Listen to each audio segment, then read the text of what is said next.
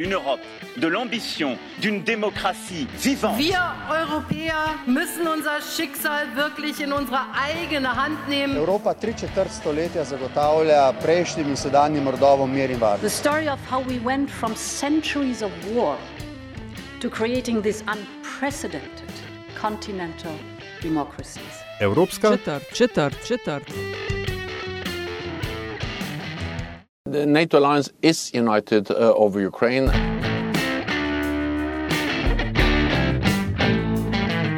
Spoštovane in cenjeni, dobrodošli v podkastu Evropska četrt, podkastu o vsem, kar vas bo zanimalo o Evropski uniji, pa niste vedeli, koga vprašati. Evropsko četrt vodiva Aljaš Pengovitenc in Nataša Briški. Podcast domuje na spletni postaji metina.si, v vašem nabiralniku pa sveža epizoda takoj, ko je na voljo. Deveti del Aljaš je to v tej seriji o Ukrajini, kjer to vojno poskušava postaviti v kontekst. In ena stvar je, o kateri se je vse čas govorilo, ne glede na vsebino, in to je vloga NATO. Vloga NATO v ukrajinski vojni in sploh in koncept evropske varnosti, in ali nas to, kar se trenutno dogaja, kaj nas dela bolj varnega, oziroma varne, kaj bi bilo treba narediti, in tako dalje. Različna mnenja so okrog tega, sploh pa ali ja še Sloveniji, ko omeniš NATO, ne, kljub temu, da smo od 2-4 noter šli, ni bila seveda taka plebiscitarna večina, ki je glasovala za to, da gremo v NATO, ampak se mi zdi, da navdušenje, da smo v NATO, um, ni prav veliko. Ali pa se motim. Ja, ne vem, to verjetno bi morala po, za natančne številke pobajati na enega kolega iz um, sosednjega podcasta. Ne? Tako kot poznavalca, dr. Zorka. Uh, ampak uh, je pa seveda res, da je uh, z izbruhom uh, vojne v Ukrajini in rusko agresijo na Ukrajino, se eden od narativov, ki se je pojavil, je bil tudi ta črž, da je za izbruh vojne nekako kriva zveza NATO oziroma širitev zveze NATO. V zvezi s tem se pojavljajo o, zdaj neke reference na Budipeštanski sporozum, a, pa na neke garancije, ki so bile ali niso bile dane, ali gre za sporozum, ali gre samo za ne vem, neko a, manj, a, manjšo obliko med, med, mednarodnega soglasja, kakorkoli. In pa seveda tudi ta teza, ne, da se pač NATO konstantno širi in da, in da a, celo nek, neke grafike okoli a, a, krožijo, da je. NATO razširjen celo na nek nadaljni vzhod, posod so pač neke ikonce zveze NATO in tako dalje. Ne, in zato zaža, mislim, da je, da je pravično, da se, da se spodobi, da se pogovarjava z nekom, z, z najno gostjo, ki se na te zadeve eminentno spozna. Ja, doktorica Jelena Juvan, pozdravljeni. Lepo zdrav. Sva že parkrat poskušala zalažen dobiti uh, koga, ki bi bil pripravljen uh, o tem govoriti, sploh iz uh, prejšnjega ministrstva, ki bi bil pripravljen govoriti o vlogi NATO, pa nekako nisva uh, uspela. In uh, bova zelo hvaležna, no, če nam res pomagate, pravzaprav vsem nam stvari, pa tudi v kontekstu NATO. In Ukrajine malo razložiti. Za tiste, ki vas mogoče ne poznajo, s čim se raziskovalno ukvarjate, tako v par stavkih, kaj je vaša specialiteta? Um, ja, moje področje specialnosti je Evropska varnost. Sem predavateljica na katedri za obramboslovje, fakultete za družbene vede, Univerze v Ljubljani. Zadnja leta se ukvarjam predvsem z evropsko varnostjo, z evropsko varnostno in obrambno politiko. Seveda, dotaknemo se tudi uh, vloge Zveze NATO, uh, ukvarjam se raziskovalno za številnimi področji. Um, zadnje mesece pa večinoma z vojno v Ukrajini, to je pa res. Ja. No, za tistega, ki uh, zadnje mesece ni prav zelo natančno spremljal, kaj se dogaja, ali pa sploh kakšna je vloga NATO, ali lahko razložite, kakšna je uradna politika, ali pa mogoče tudi malo manj uradna politika NATO, ko gre za ta napad na Ukrajino. Uh, ja, uh, v bistvu moramo vedeti, da je NATO je zavezništvo, um, mednarodna organizacija kolektivne obrambe. Torej, njen prvotni namen je, da nudi obrambo državam, ki so članice, pred napadi, ki prihajajo izven uh, zavezništva. Torej, ta znameniti peti člen Washingtonske pogodbe, ki določa, torej poenostavljeno povedano, napad na eno državo članico se tretira kot napad na vse, oziroma tudi druge, druge države, ki niso napadene, uh, bodo odgovorile z uh, vojaškimi, vojaškimi sredstvi. Um, zdaj, kaj NATO počne v Ukrajini? Um, jaz bi rekla, da NATO počne tisto, kar lahko. Um, de, zaveda pa se, da ne more in tudi ne sme posegati v ta uh, oboroženi spopad, predvsem zaradi dejstva, da je na drugi strani Rusija, ki je izjemno močna vojaška sila, uh, ki poseduje jedrsko orožje. Uh, in sedaj, uh, če lahko tako rečem, na srečo se voditelji Zveze NATO zavedajo, da bi neposredna konfrontacija z Rusijo pomenila torej neizogibno um, tretjo svetovno vojno oziroma spopad večjih globalnih razsežnosti. Uh, moje mnenje je, uh, predvsem na reakcije predsednika, ukrajinskega predsednika Zelenskega pred, uh, torej v prvih dnevih te vojne, je, da morda so bile njemu dana neka zagotovila Eh, bodi si strani Zveze NATO, bodi si strani določenih zahodnih voditeljev, da bo Zahod branil Ukrajino. Um, kajti tisto, čemu smo bili priča, je bilo neko izjemno osebno razočaranje uh, predsednika Zelenskega, uh, da je dejansko potem Ukrajina bila prepuščena uh, sama sebi. Um, ko, to so v bistvu neke, na nek način pravno-formalne ali pa mednarodno-pravne distinkcije, kdo se kje bori. Zakaj je recimo tako zelo pomembno, da se ustraja, da NATO ni upleten v vojno ne, v Ukrajini. Uh, in vendarle pa pač je jasno, in, in se iz tega tkujejo tudi notranje politični dobički, da se Ukrajini vojaško pomaga. Uh, isto, tako da mogoče, če te distinkcije za, za začetek večkrat razdelamo, ne, uh, kaj tukaj je važno, kaj ni važno in kaj je pač zgolj, um, bom rekel, predstava za domačo porabo. Um, zdaj, jaz mislim, da gre tukaj osnovno za dilemo med tem, da, um, je nekaj, da je potrebno ukrepati, ker konec koncev ruši, to, kar Rusija počne, je kršitev mednarodnega prava in vseh pravil mednarodne skupnosti, kot jih poznamo od konca druge svetovne vojne naprej. Torej, to, kar Rusija počne, je popolnoma nespremljivo in nedovoljeno. Po drugi strani pa se uh, Zahod oziroma Zveza NATO se zaveda, kaj bi pomenilo, če se vključi v, naprimer, v ta oboroženi spopad. Če se spomnimo, naprimer, na začetku so bili pozivi po, po tem, da naj bi NATO zagotavljal uh, varnost v zračnem prostoru Ukrajine, kar bi pomenilo vsekakor vključitev zračnih sil držav članic Zveze NATO in tudi vključitev v ta spopad. Torej, gre za neko to razdvojenost med tem, da mednarodna skupnost mora ukrepati in pa strahom oziroma zavedanjem, kaj bi dejansko pomenilo, če bi se tudi vključili v ta spopad. Ne. Je pa res um, stvar razprave, kaj pomeni pošiljanje zdaj že težkega orožja v Ukrajino. Ne. Ali to pomeni, da smo vključeni v ta oboroženi spopad, ali če ti pošiljaš orožje, si vključen če, pa, če so pa vojaki tam, oziroma kje je tista meja. Ne? To je pač v bistvu res stvar neke, neke interpretacije in različnih, um, različnih razumevanj. Um, zdaj, konec lanskega leta je ruska vojska začela kopičati uh, vojsko na meji z Ukrajino. Uh, na vprašanje, zakaj so govorili, ne, ne, noben, nimamo nobene ideje, da bi koga napadali, samo vaje in tako dalje. Ne. Eh, hkrati so naslovili tako na ZDA kot na NATO, če se ne motim, zahtevo, da naj se ne širi preko teh meja, ki jih oni zaznavajo kot grožnja njihovemu miru ne? in da naj Ukrajina neha sanjati o članstvu v NATO. Zdaj, po 24. februarju napadu se je zgodilo čist nasprotno. E, imamo Finsko, imamo Švedsko, ki e, želita v NATO in e, precej nepredstavljivo do te vojne Nemčija se je začela militarizirati. Uh -huh. Zdaj, za koga je to dobro, slabo, kar se dogaja? Um, mislim, dobro ne more biti za nobenega. nobenega ja. Ja. Um, lahko je slabo ali pa samo še ja. slabše. Ja. Um, ja, um, ja, v bistvu stranski učinek, če lahko rečem, tega je res uh, krepitev vloge NATO, um, tako v evropskem prostoru, kot tudi v globalnem prostoru. Uh, predvsem pa ta, um, tudi za me osebno, izjemno velika sprememba, torej želja švedske, oziroma interes švedske in finske po vstopu v Zvezo NATO. Um, kaj ti tukaj gre dejansko za um, te dve državi? Torej, status neutralnosti je ugrajen v njihovo narodno identiteto, predvsem pri švedih. Ne. Švedi imajo, so bili neutralni, oziroma so še vedno že, že več stoletij.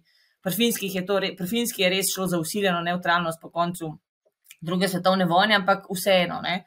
Že v osnovni šoli se učimo, oziroma učimo uh, učence, katere države v Evropi so neutralne in da to je v bistvu ena izmed temeljnih postulatov uh, evropske varnostne arhitekture. Ne. Tako da dolgoročno gledano uh, bo, ko se enkrat ta vojna konča, uh, jaz mislim, da je ravno vstop, morebitni vstop Finske in pa Švedske v NATO ena izmed, naj, ena izmed največjih posledic um, tega, te vojne. Um, res je tukaj vprašanje, kaj Rusija v bistvu pričakovala in kako tega niso predvideli. Ne? Kaj ti sedaj v bistvu vidimo, da Zahod, torej izjemno mobilizacijo zahodnega javnega mnenja, izjemna mobilizacija zahodnih politikov, oboroževanje držav, ki so se po drugu, koncu druge svetovne vojne bile tradicionalno, um, če lahko rečem, si so izogibale ob dodatnem oboroževanju, naprimer Nemčija, ki se tudi ni smela. Um, tako da težko pa verjamem, da Rusi kaj takega niso predvidevali. Verjetno pa so preračunali, da se jim vseeno ta vojna veliko bolj splača kot vse ostale uh, posledice, niso pa tudi računali na to mobilizacijo, izjemno mobilizacijo zahodnega javnega mnenja in pa politikov. Ne. Tukaj je v bistvu Zahod, oziroma um, zahodne države, predvsem evropske, so um, zelo tesno stopile skupaj. Mm. Ni, oprosti, až sam tole še dodam. A ni na nek način, ne vem, uh, ok, vojna ne da je logična, ampak logičen ta odziv Rusije, da bliže kot so države, ki so članice NATO, bolj nervozna je Rusija. Vse vem, klele so pol debate, a Putina res moti ta ekspanzionizem NATO ali, ma, eh, ali so klele vzade te njegove imperialistične težne in tako dalje. Ne? Ampak ni logično. Tudi, da je odziv Rusije na širjenje NATO takšen. Ker si predstavljam, če bi v Združenih državah, ki imajo sedaj na severu zelo prijateljsko Kanado, na jugu uh, Mehiko, ki je v precejšnji meri tudi odvisna od njih, ne, in druge države, da bi ZDA podobno nervozni bili. Um, pa ja, sedaj na nek način to je razumljivo, ne? ampak eh, po drugi strani Ukrajina je mednarodno priznana in suverena država, ki ima pravico um, voditi svojo zunanjo politiko tako, kot se oni odločijo. Da, zato, ker pač ima smolo ne, v narekovajih, ker ima uh, na vzhodu največjo državo na svetu in eno izmed največjih vojaških sil, uh, ki se pa počuti zaradi tega ogrožena, oziroma ki ne priznava to um, načr, uh, uh, suverenost in pa um, samostojnost. Um, zdaj, kdo je tukaj? Se, vsi vemo, za, za vojno sta vedno potrebna oba, ne? Mhm. tako kot je tudi za konec vojne sta potrebna oba. Um, koliko daleč gremo v zgodovino, da v bistvu pojasnimo razloge za ta oboroženi spopad, um, je tudi v bistvu pri tem zelo pomembno. Ne? Ali je res, naprimer, tako kot je Aljaš že prej omenil, da je, ko je ob koncu hladne vojne, oziroma ko je prišlo do združitve vzhodne in zahodne Nemčije, kar se je moralo zgoditi z privoljenjem Sovjetske zveze oziroma takrat že Rusije, ali je res po drugi strani Rusiji bil dana obljuba, da se NATO ne bo širil na vzhod. Ne? Rusi trdijo, da ja. Um, najvišji zahodni politiki trdijo, da ne, ne. čeprav so bile neke, neke objave nižjih politikov v tistem času, da, da je to bilo res. Ne. Um, tako da zgodovinsko gledano za nazaj, vsekakor um, so stvari, na katere nobena izmed strani ne sme biti ponosna, um, vendar pa zaradi tega ne greš uničiti um, državo v 21. stoletju. Uh, še nekaj drugega, ne, Nataša, na to že uh, nekako namignila. Uh, Ta hip se ne bom spomnil, kdo je to rekel, ampak v času hladne vojne je veljalo, da je bil NATO ustvarjen zato, da je obdržal američane noter, Ruse zunaj in Nemce dol. Oziroma, poteptane. Nem, kot, kot si rekla, Nataša, zdaj Nemci se eh, nekako oborožujejo, eh, NATO se širi, dosti bolj jasno in načrtno, kot se je recimo v zadnjih uh -huh. 20 letih. Um, pa vendarle, še pred letom dni, ne, ali pa recimo pred dvema letoma na vrhuncu predsednikovanja Donalda Trumpa, se pa marsikdo sprašval, ali je NATO res še karkoli drugega, razen papirnati, uh -huh. papirnati tiger. Ne? Črna Gora je postala članica Zveze NATO in nobeno ni bilo, če se jasen, kdo ima več od tega, ali Črna Gora ali NATO. Ne? In eh, skratka je bilo, um, zdi se, da je NATO po eni strani zdaj dobil nek, nek nov smisel, uh -huh. da je na, na, našel. Um, svoje ne, notranji mir. A, po drugi strani pa ali obstaja nevarnost, da to zgolj prekriva a, te strukturne a, deficite, ki jih NATO ima in na katere po koncu hladne vojne ni, ni znal odgovoriti.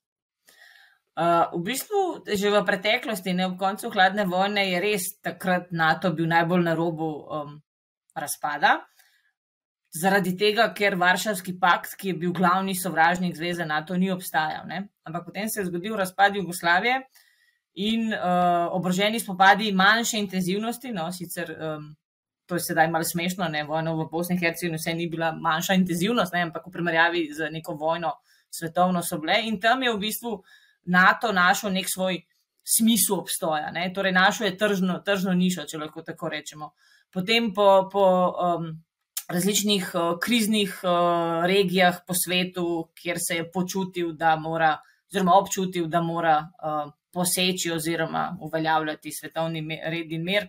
Uh, torej, Zveza NATO je po koncu hladne vojne videla svoje poslanstvo v teh out-of-area missions, um, torej uh, misije in operacije, ki potekajo izven ozemlja držav članic zavezništva uh, z namenom reševanja nekih uh, konfliktov, zdaj ali je to bilo uh, primerno ali ne, pač tudi lahko stvar.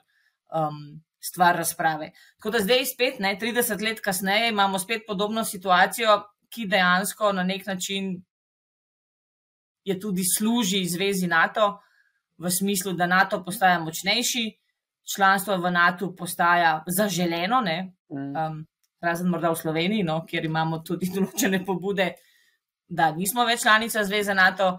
Um, imamo države, ki se oborožujejo, Nemčijo smo že omenili, Nemčija je, da, mislim, da prejšnji en teden nazaj, 14 dni nazaj, sprejela načrt 100 milijard evrov v naslednjih letih za obrožitev. To je v bistvu grozljiva številka, oziroma grozljiva količina denarja.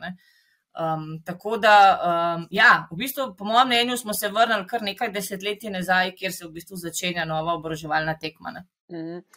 Ker prihajate seveda iz uh, katedre za obramboslovje uh, in ker je Aljaš tudi, uh, oziroma ste vi tudi omenili, da Vsa ta navdušenost v Sloveniji za NATO je na res nizkih nivojih. Zdaj, po pogodbi, mislim, da do 2025 morajo članice so se obvezale, no, da bi dajale 2 odstotka BDP-ja v proračun NATO. Ne. Zdaj, Slovenija uh, od vstopa dalje, od 2,4, niti enkrat, niti blizu temu ni bila. Yeah. Ja. Da smo v lanskem letu z 1,21 ali nekaj 1,28 BDP-ja odstotka uh, bili še najviše doslej. Sicer pa bodi si pod enim odstotkom ali pa zelo rahlo nad tem. Edini državi, ki dajo, ki dajo manj, oziroma tri so, mislim, da Luksemburg, Belgija, pa Španija. Te dajo še manj. Ne? A delate kakšne, eh, mislim, gotovo ste kakšne raziskave ali pa veste za rezultate teh raziskav, zakaj takšna nastrojenost, potem ko smo glasovali, da gremo v NATO, proti NATO v Sloveniji? Um, zdaj, v zadnjih letih res nismo delali kakšnih javnomnenjskih raziskav, je pa v sklopu um, raziskav slovensko javno mnenje bilo tudi vprašanje, ali podpirate članstvo v NATO ali ne. Ampak od tega je minilo že toliko let, da na osnovi tega ni, ne moramo, ne mora, ni, ni relevantno. Ne? Zdaj, moje osebno mnenje je, da je um, um, varnost, uh, večina ljudi varnost jemlje kot samo po sebi umevno in v bistvu o tem sploh ne razmišlja. In tudi v naši družbi v preteklih letih, reč, pred 24. februarjem, ne, um, prevladuje občutek, oziroma prevladuje občutek, da se nam nič ne bo zgodil. Ne. Kaj še le kakšen vojaški napad, uh, edino, kar nas ogroža, so naravne nesreče, pa še to lahko upamo, da se ne bojo zgodili in nas v bistvu potres večjih razsežnosti v prestolnici sploh ne skrbi. Ne. Um, tako da jaz mislim, da gre za občutek varnosti, ki je lahko tudi lažen, gre za prepričanje, predvsem teh mlajših generacij, da, um, da živimo v bistvu v, v varnem svetu in da so spopadi oziroma neki konflikti, da so stvar um, tretjega sveta. In po, pove, v povezavi s tem se sploh ljudje ne sprašujejo, uh, oziroma menijo, da vojske ne potrebujejo. Ne? Vojske ne potrebujejo, dokler naprimer, ne pride žled, kot je leta 2014, ali pa poplave v Ljubljani, ali pa kakšne druge naravne nesreče. Uh, ko v bistvu vsi pozivajo vojsko, oziroma sprašujejo, kje je vojska in zakaj ne pomaga. Ne? tako da jaz mislim, da gre v bistvu za nek tak občutek, ki je značilen za zahodne države, sodobne zahodne države, da, da, um, da smo varni. Občutek varnosti in potem ne potrebujemo nobene teh struktur, ki bi nas varovali, kaj šele, da bi potrebovali um, zvezo NATO. Um, ampak, se pardoniram, če se zgolj za trenutek pri teh dveh odstotkih ostavimo, ker s tem se zelo veliko pleta, ne, tudi v. Mhm. tako na hitro se jih, me, se jih meče na okolje, bodi si kot obtožbo, bodi si kot, kot, kot hvalisanje. zakaj tukaj pravzaprav gre? Ok, 2 odstotka BDP-ja, ampak a to pomeni, da moramo z, z, dve, z dvema odstotkama BDP-ja kupiti puške, ali to pomeni, da, je, da gre sta ta 2 odstotka lahko v varnostni kompleks v širšem pomenu besede, oziroma kje, kje se klej zdaj gibljamo? Ker, ker Jaz v če, bistvu- prav, če, se Ja. ja. če prav razumem, gre za politično zavezo. To ni, to ni isto kot član, članarina v zvezi NATO, ne? ker je Ja, ja. drug strošek. Ne? Ja, ne, to, to v bistvu vse te zaveze, o katerih je to govora v preteklih mesecih, no, ampak že prej, glede tudi uh, um, bataljonske oziroma srednje bataljonske skupine ali pa lahke Mhm. bataljonske skupine, to so politične zaveze, ne, ki v bistvu, če se ne uresničijo, a se, se, a se kaj zgodilo, ne, tudi v preteklih letih oziroma desetletjih se je nič zgodilo, ne, noben nas ni brc, noben ni znanta. Ne. Um, tako da gre za politične zaveze, na ravni zveze NATO je bil pač nek tak sprejet. Uh, ko reka, neformalni dogovor, da bo vsaka država članica toliko prispevala. Uh, seveda, naših 2 odstotka BDP je bistveno manj kot je naprimer 2 odstotka Nemčije ali pa katere druge um, države z višjo stopnjo BDP-ja. Um, res pa je, da potem se tudi pri nas, od leta 2008 naprej, se je zgodila gospodarska kriza, um, tako kot pa, pač po celi Evropi, uh, ko je dejansko obramnemu proračunu bilo oduzeto največ v primerjavi z drugimi proračuni, drž, eh, torej deli državnega proračuna, in po tistem se v bistvu obramni sistem nikoli ni, ni pobral, ne? nikoli več ni prišel nazaj na tisto raven. Tako da mi v bistvu nekako capljamo od zadaj, poskušamo uloviti neke meje, uh, ki so. Uh, Pač neke politične zaveze, jaz mislim, da 2% pri nas je popolnoma nerealno, če pridemo do 1,5, bi bilo v bistvu že zelo super. Ne. Sam, če to odgovorim, ne gre samo za kupovanje pušk. Obramni proračun ima veliko različnih postavk, eh, oborožitev in oprema je samo en del.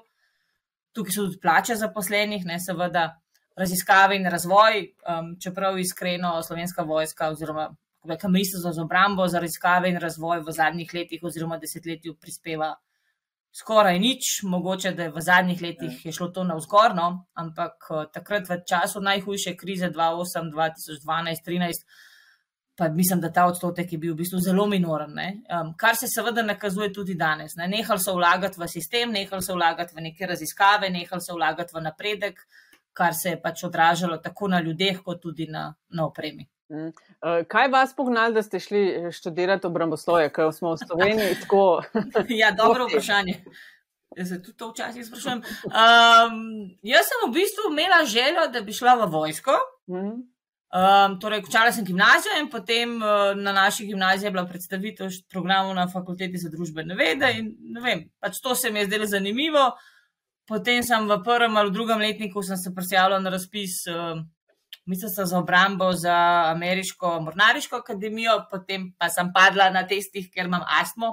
In potem sem takrat dojela, da pač z astmo jaz nič ne morem. Pač tako ne visilka. Sem ne? pač tukaj. Ne. No, ok, nazaj k resnim temam. Ja. Prosim, to tudi resne teme. ne. Uh, Zdaj, za NATO, koliko stane biti v NATO, ali vsaj te politične zaveze, ki jih sicer ne izpolnjujejo, in samo redke so države, ki jih, ne, med drugim soseda Hrvaška, jih kar bogato, ne, so nad dvema odstotkoma. Če bi, recimo, pote, hipotetično, rečemo, ok, zdaj pa NATO, ne, ki prevzema vse del zagotavljanja varnosti nad Slovenijo, tako kot so iz eh, Italije tista letala, ki varujejo naše nebo in tako dalje. Če bi to, kar se je tudi pojavilo, zgraditi evropsko varnost. Ne? A si mi znamo predstavljati, da bi to bilo draže, oziroma koliko draže bi to bil, stalo Slovenijo, če rečemo NATO ne in se gre Evropa svojo vojsko. Ja, ampak da se gre Evropa svojo vojsko, mora najprej Evropa Ja. se za to odločiti. Ja? Uh, vse države članice, ne, kar pač jaz mislim, da je zelo nerealno. Kaj ti v Evropi ne, imamo še vedno neutralne države, torej kljub dejstvu, da tiste dve očitno ne boste več. Ne. Ja. Torej, uh, imamo države, ki se ne bodo odrekle svoje neutralnosti, so pa članice Evropske unije. Torej, to, je, to je ena izmed glavnih ovir um, temu, da Evropska unija ni v vseh teh letih bila sposobna okrepiti um, svoje vloge kot obramnega oziroma vojaškega akterja. Poleg tega pa so tudi določene države, ki niso neutralne, so članice Evropske unije, ki pa naprimer. Um, Danska je ena izmed takšnih držav, ki je leta 1992 prvotno zavrnila Maastrichtski sporazum na referendumu in potem so dosegli tako imenovani opt-out za, mislim, da pet različnih področji, eno izmed teh je pa tudi skupna zunanja in varnostna politika. -hmm. Torej, Danska v vseh teh letih ni sodelovala v, v tej uh, varnostnem političnem delu Evropske unije. Kar pa je se v zadnjem mesecu spremenilo, ne, tudi zaradi vojne, oziroma predvsem zaradi vojne v Ukrajini.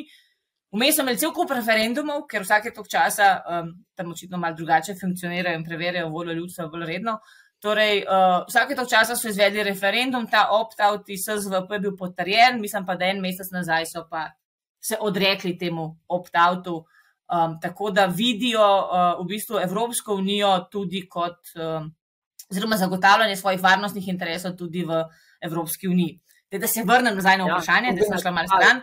Torej, Evropska vojska. Torej, Evropska vojska uh, je nerealen koncept, dokler imamo zvezo NATO, kajti nobena izmed držav, razen mogoče te največje, najbogatejše, ni sposobna zagotavljati določena sredstva odstotek sredstev tako za Evropsko unijo in istočasno za Zvezo NATO. Ne. Tudi Slovenija um, ima določene strukture v slovenski vojski, ki so bo, po potrebi se uporabijo za NATO, po potrebi za misije Evropske unije. Ne. Mi nimamo.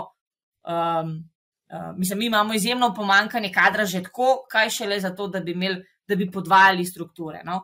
Tako da na tej, tej ravni Evropska unija ni sposobna um, oblikovati neke evropske vojske v smislu enotnega uh, poveljevanja. Um, tukaj imamo Francijo, tukaj imamo Nemčijo, uh, dve državi, um, izjemno močni, tudi vojaško izjemno močni, ki imata drugačne poglede oziroma nasprotne poglede, naprimer na ta koncept evropske vojske. Um, tako da edina alternativa zvezi NATO je um, na nek način uh, izstop iz zveze NATO in oblikovanje uh, dovolj močnih lastnih nacionalnih oboroženih sil, ki bodo sposobne obraniti uh, slovensko nacionalno ozemlje, kar pa trenutno slovenska vojska ni. Ne? Torej, šestimi tisoči pripadniki. Um, slovenska vojska to ni sposobna, to tudi ni njena primarna naloga v zadnjih letih. Uh, torej, potrebovali bi spet splošno vojaško obveznost, redne vojaške vaje um, in tako naprej pač nove vojašnice oziroma vojašnice primerne za obveznike, usposabljanja. Torej, to, bi, to bi nas v bistvu stalo še bistveno, bistveno več kot nas to, da smo članica NATO. Mm. Uh, no, ja, sej, uh, pač, uh, vojska stane ne, v končni fazi. Ja. Uh, ampak, um, če smo že uh, pri vprašanju. Evropska varnostna struktura versus NATO. Ali je tukaj res za dihotomijo, ali obstaja scenarij, kjer je to dvoje komplementarno? In, in, in pod vprašanje, ker ga vedno tukaj noter prepeljamo, um, francoski predsednik in njegove težnje, po, kaj se temu reče, strateška avtonomija, avtonomija ja. ki so bile v času predsednika Trumpa, so se slišali nekaj bolj realno, zdaj pa spet je to nekako ne, nekak v, v ozadju ostaja. Uh, v bistvu, naj zdaj spet bom tukaj spadla nek grozen pesimist, ne, ampak Ukrajina je pokapa, pokopala te želje o strateški avtonomiji. Ne? Ukrajina je pokazala, da so vsi varnostni mehanizmi Evropske unije, ki jih Evropa razvija že od 1992 naprej, ko je bila prvič oblikovana skupna daljna varnostna politika, torej ta nek evropski soft power, da je v bistvu popolnoma pogorel in je neučinkovit pri preprečevanju takšnih uh, oboroženih konfliktov, kot se zdaj dogaja uh, v Ukrajini. Torej, Evropska unija temelji na širjenju eh, lastnih vrednot, eh, svoboščin, um, torej izobraževanju, usposabljanju lokalnega prebivalstva, za mirno reševanje konfliktov in tako naprej. Kar pa, ko imamo na drugi strani nekoga, ne, zdaj tukaj mislim ruskega predsednika, ki je odločen, da uporabi vojaško silo, ne glede na vse, um, je to popolnoma neuporabno. Torej, vse tiste ideje, ki jih je imel tudi francoski predsednik, še eno leto nazaj, so, um, po mojem mnenju, sedaj pokopane uh, in um, tudi ta vojna bo popolnoma restrukturirala evropsko varnostno arhitekturo. Zdaj, če obstajajo neki scenariji, uh, torej Evropska unija in Zveza NATO sta leta 2000. Uh, Mislim, da je bilo 2004, sta podpisali Berlin plus sporazum, to je sporazum o sodelovanju med Evropsko unijo in NATO. Uh, Kar meni v bistvu, ko sem jaz to prvič ugotovila, me je izjemno presenetilo, da 50 let predtem pa niso imeli nobenega, na 50 let, ne, ampak več desetletij pa niso imeli sporazuma o sodelovanju, kar je v bistvu res, res smešno. Ne. Um, tako da ta Berlin sporazum določa, da Zveza NATO ohranja primat pri uh, reševanju konfliktov. Torej, če se nekje nekaj zgodi, je Zveza NATO tista prva, ki bo rekla, bom, bomo posredovali ali ne bomo. In če rečejo ne bojo, lahko pač posreduje Evropska unija. Um, ta sporozum določa uporabo poveljniške strukture Zveze NATO, um, torej uporabo um, vojaških delov Zveze NATO za, Evrop, za minije, misije Evropske unije, ravno v tem, da se izognejo temu podvajanju. Um, Tako da to obstaja, NATO in Evropska unija uh, pač izjemno dobro sodelujeta. Um, tako da neke te ambicije po ustanovitvi Evropske vojske so verjetno že v startu pokopane tudi zaradi. Uh, Pač zaradi zveze NATO. Mm. Obstoj zveze NATO od leta 1948 naprej je tudi glavni vzrok, oziroma eden glavnih vzrokov, da Evropska unija nikoli ni razvila tega nekega bolj uh, Eh, bolj povezanega obramnega sodelovanja. Je bilo veliko poskusov, Francija v 60-ih, 70-ih letih, ampak neuspešnih. 30 mm, je članic, ne 28 od tega je iz Evrope, ne, če se ne motim, članic ja. NATO. Ja. Uh, zdaj, uh, to me zanima. Te ta glavni vem, stebri NATO, zemlja, voda, zrak, če se napade eno članico, se stopi skupaj in se brani in tako dalje. Še dve področji sta zraven in to je kibernetika in vesolje. Uh, Ja, ja. Zdaj, sploh, ker se način vojskovanja spreminja in ker govorimo seveda tudi o Rusiji v kontekstu ukrajinske vojne in NATO, ne, kibernetski del me zanima. A ste mogoče, a so se zaznali v zadnjih mesecih, ne vem, letih, eh, povečanje ukrepljeni kibernetski napadi na države članice NATO? strani Rusije. Um, zdaj, ne, vemo, iz, ne vemo, iz tega. Ja, ja, ja, v bistvu ja, so vse, ne, se ravno ta kibernetski del je um, postal izjemno moderen, če lahko ja. rečem, v zadnjem desetletju. Ja. Um, tako da um, pričakovanja so bila tudi v bistvu, da če bo prišlo do vojne 21. stoletja, da bo potekalo, da bo ta kibernetska komponenta bistveno močnejša oziroma odločilnejša. Ne?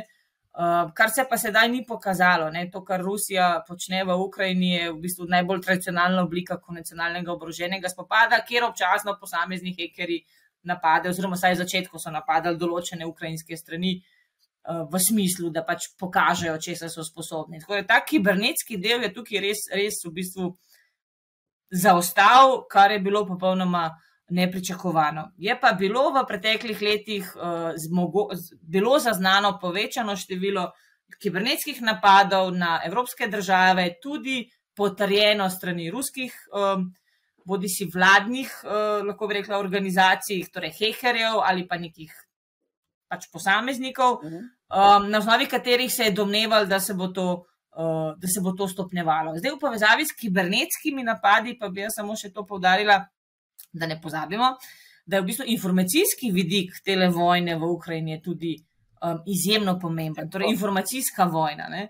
To, kar uh, dobro, to poznamo že časov druge svetovne vojne, pa propaganda, pa metanje letakov iz letal in tako naprej. Zdaj, s razvojem interneta in pa družabnih omrežij se je to pač sam preselilo.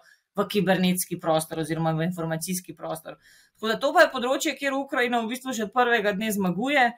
Um, vsi gledamo predsednika Zelenskega, ki se preko Vibera oziroma nekih drugih aplikacij v živo javlja iz Kijeva in sporoča, da je še živ. Um, torej, Zahod, oziroma mi, tukaj, kjer mi živimo, mi dobivamo uh, ukrajinske informacije, ukrajinske novice, dejansko ne vemo, kaj se res dogaja na, na, na terenu. Um, naprimer, določen, ne vem, BBC se meni zdi nekako še najbolj da lahko težko bi rekli objektiven, no, ampak uh, vsak, vsakodnevno spremljajo napredovanja ruske vojske oziroma spremembe na terenu in tam rišajo neke zemljevide, kjer na osnovi obveščajo informacije obveščevalnih služb. Da, ampak to, kar mi dobimo, je res, če lahko rečemo, ukrajinska propaganda. Ne? Enostransko, ja. Enostransko, ne vemo, kaj se dogaja v Rusiji, lahko spet domnevamo. Ne, vem, če, ne vemo, če Rusi rečejo, da so pobili 20 tisoč ukrajinskih vojakov, Ukrajinci rečejo 2000, da je kaj zdaj res, res je verjetno nekje umestne, kot posod. Ne. Tako da Ukrajinci, čeprav na terenu res izgubljajo, ne, je to pač treba priznati zdaj po tokem času, ampak informacijsko so pa še vedno iz, iz, zmagujejo. No. Mhm. Ja, zdi se, ne, da so, če so uh, do. Vsaj do Krima, ne, pa tudi kasneje so, so Rusi bili zelo uh, mojstri uh, te uh, komunikacije in kako se že temu reče, pa maskirovke, pa vseh teh manevrov hibridnega vojskovanja. Uh -huh. Mar se bi rekel, da, da kibernetska vojna teče že nekaj let. Ne? Yeah. Uh, so pač zdaj Ukrajinci uh, uh, na nek način, mečken, saj na tem področju, tudi pošolali Ruse. Ne? Da ne govorimo o tem, da, so, da je veliko ljudi tudi v Evropi mislilo, da bo po treh dneh vsega skupaj konc. Um, ampak, če se vrnemo mi k, k osnovnemu vprašanju vloge Zveze NATO. Um,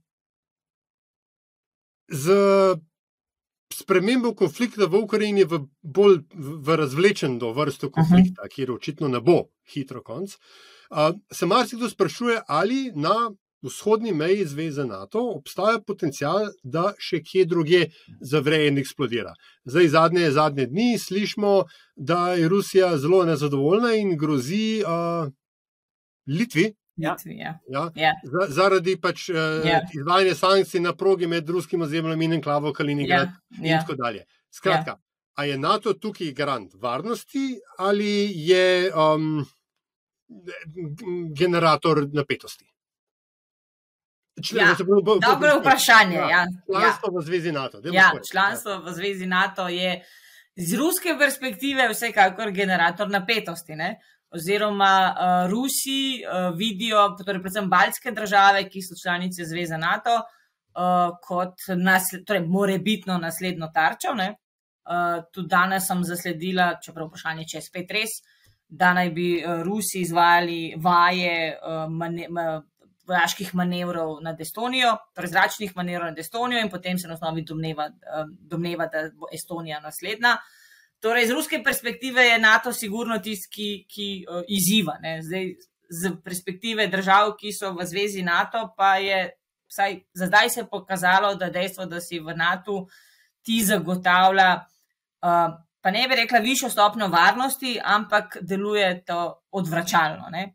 Tako da um, vprašanje tudi, če bi Rusija napadla Ukrajino, ampak dobro, to je zdaj že tako futuristično vprašanje. Če bi Rusija napadla Ukrajino, če bi bila Ukrajina tudi v zvezi NATO? No? Mm. Uh, še tole imam jaz vprašanje. No? Od 28. do 30. junija je v Madridu vrh NATO. Uh, vroča vprašanja, pereča vprašanja, kot je ukrajinska vojna, to, kar ste zdaj vidva omenila, vprašanje širjenja NATO in tako dalje. Um, kaj pa so vprašanja, o katerih ne bodo govorili, pa bi po vašem morali? Um, v bistvu res je, da je vojna v Ukrajini uh, popolnoma zasedla in medijski prostor, in tudi dnevni red, oziroma bo zasedla dnevni red tega zasedanja.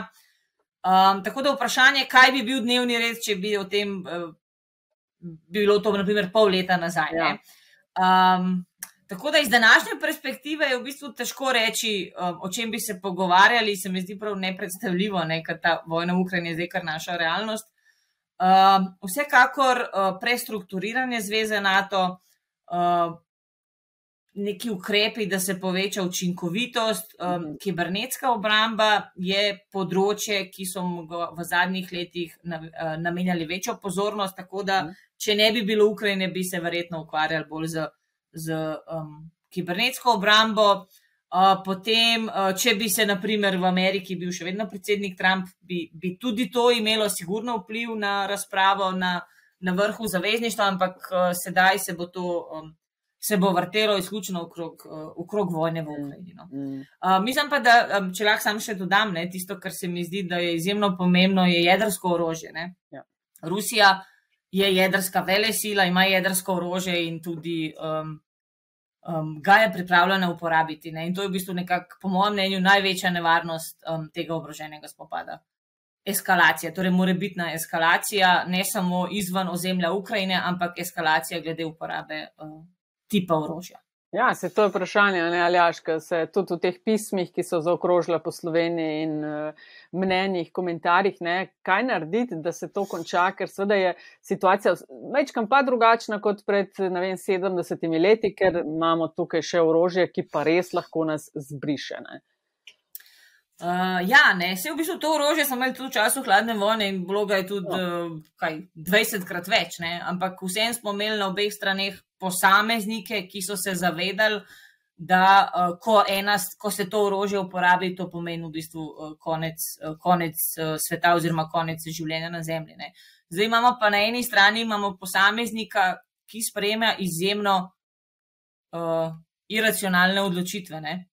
In uh, tudi vojna v Ukrajini se je začela zaradi, je bila v bistvu izjemno iracionalna odločitev. Um, Tako da ne moremo vedeti, kaj, kaj je v bistvu tisto prihodnje. Mm. Ni nekih analiz, oziroma analize so, ampak ko se odločitve sprejemajo na osnovi nekih čustev ali pa racionalnosti, potem te analize padejo v vodo. Mm. To, to je v bistvu največja nevarnost tega. No? Ja, no, zgolj v, v, v, v malenkostno to lažbo. Um, John Kennedy ni vedel, ali Nikita Hruščev razmišlja racionalno ali ja, ne. ne ja, no, vse, ja kubanske raketne krize. Tako da, recimo, da je to bilka upanja, ki se jo lahko primemo dan današnji. Ja, se je to v bistvu edino, kar nam ostane. Ne?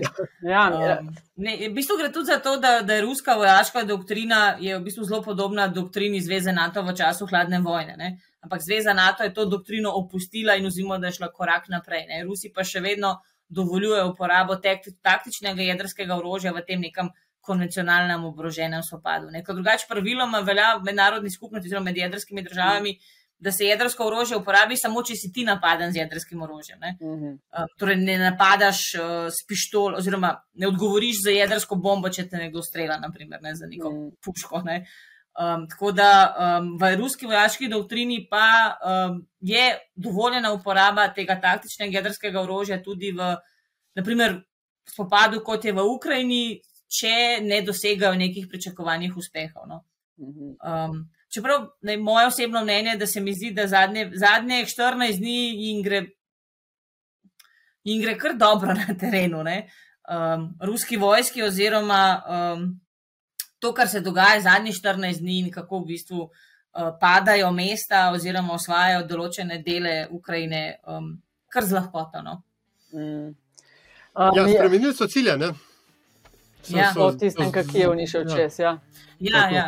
Ampak, se, a veste, mi se, mi se z začetkom smo sprašvali, kaj je cilj. Zdaj, je bil res cilj? Cilj, verjetno, res ni bila usvojitev celotne Ukrajine. Ne? Cilj je bil zasedba teh dveh, uh, torej vzhodne Ukrajine in zdaj že govorijo o pripojitvi uh, vzhodne Ukrajine ruskemu nacionalnemu ozemlju. Pa verjetno vsekakor cilj ni bil, da bo zadeva trajala več kot nekaj dni. Ne, ne vem, če se ja, je bilo. Um, Ampak kaj za Ukrajino je ogromna. Ja. Um, mi govorimo o izjemno velikem ozemlju, tudi če pogledamo samo vzhodno Ukrajino, uh, če pogledamo število kilometrov, ki jih naprimer neka taktična bataljonska skupina, ki jo ruska vojska, s katero ruska vojska pač prodira po ukrajinskem ozemlju, um, tudi ni bilo mogoče pričakovati, da bojo končali v dnevu ali pa dveh ne, ali pa treh. Ne.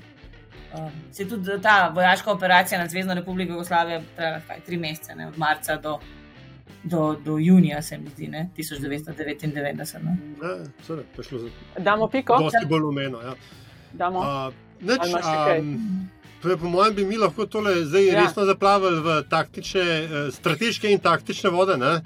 Uh, ampak, uh, po mojem, da smo vsaj en, en splošen uh, pregled uh, stanja naredili. Kaj misliš na ta način? Ja, po mojem, tudi doktorica Jelena Juvan, uh, FDV, katedra za obramboslovje. Najlepša hvala, ker ste bili gostja Evropske četrti. Malenkost in z veseljem. To je bila Evropska četrta. Hvala za vašo pozornost, predlogi in mnenja pa so kot vedno zelo dobrodošli. Hvala pa tudi za vaše pohvale in kritike, ki jih delite z nama, in seveda res hvala za investicije, ki jih namenjate razvoju in produkciji naših vsebin. Avtor glasbene podlage je peli iz podcasta Opravičujemo se za vse neušečnosti. Če vam je vsebina všeč, bo pomagalo, da nas najde še kdo, če naj jo ocenite pri vašem izbranem podcast ponudniku. Sicer pa hvala za vašo družbo in se spet slišimo k malu.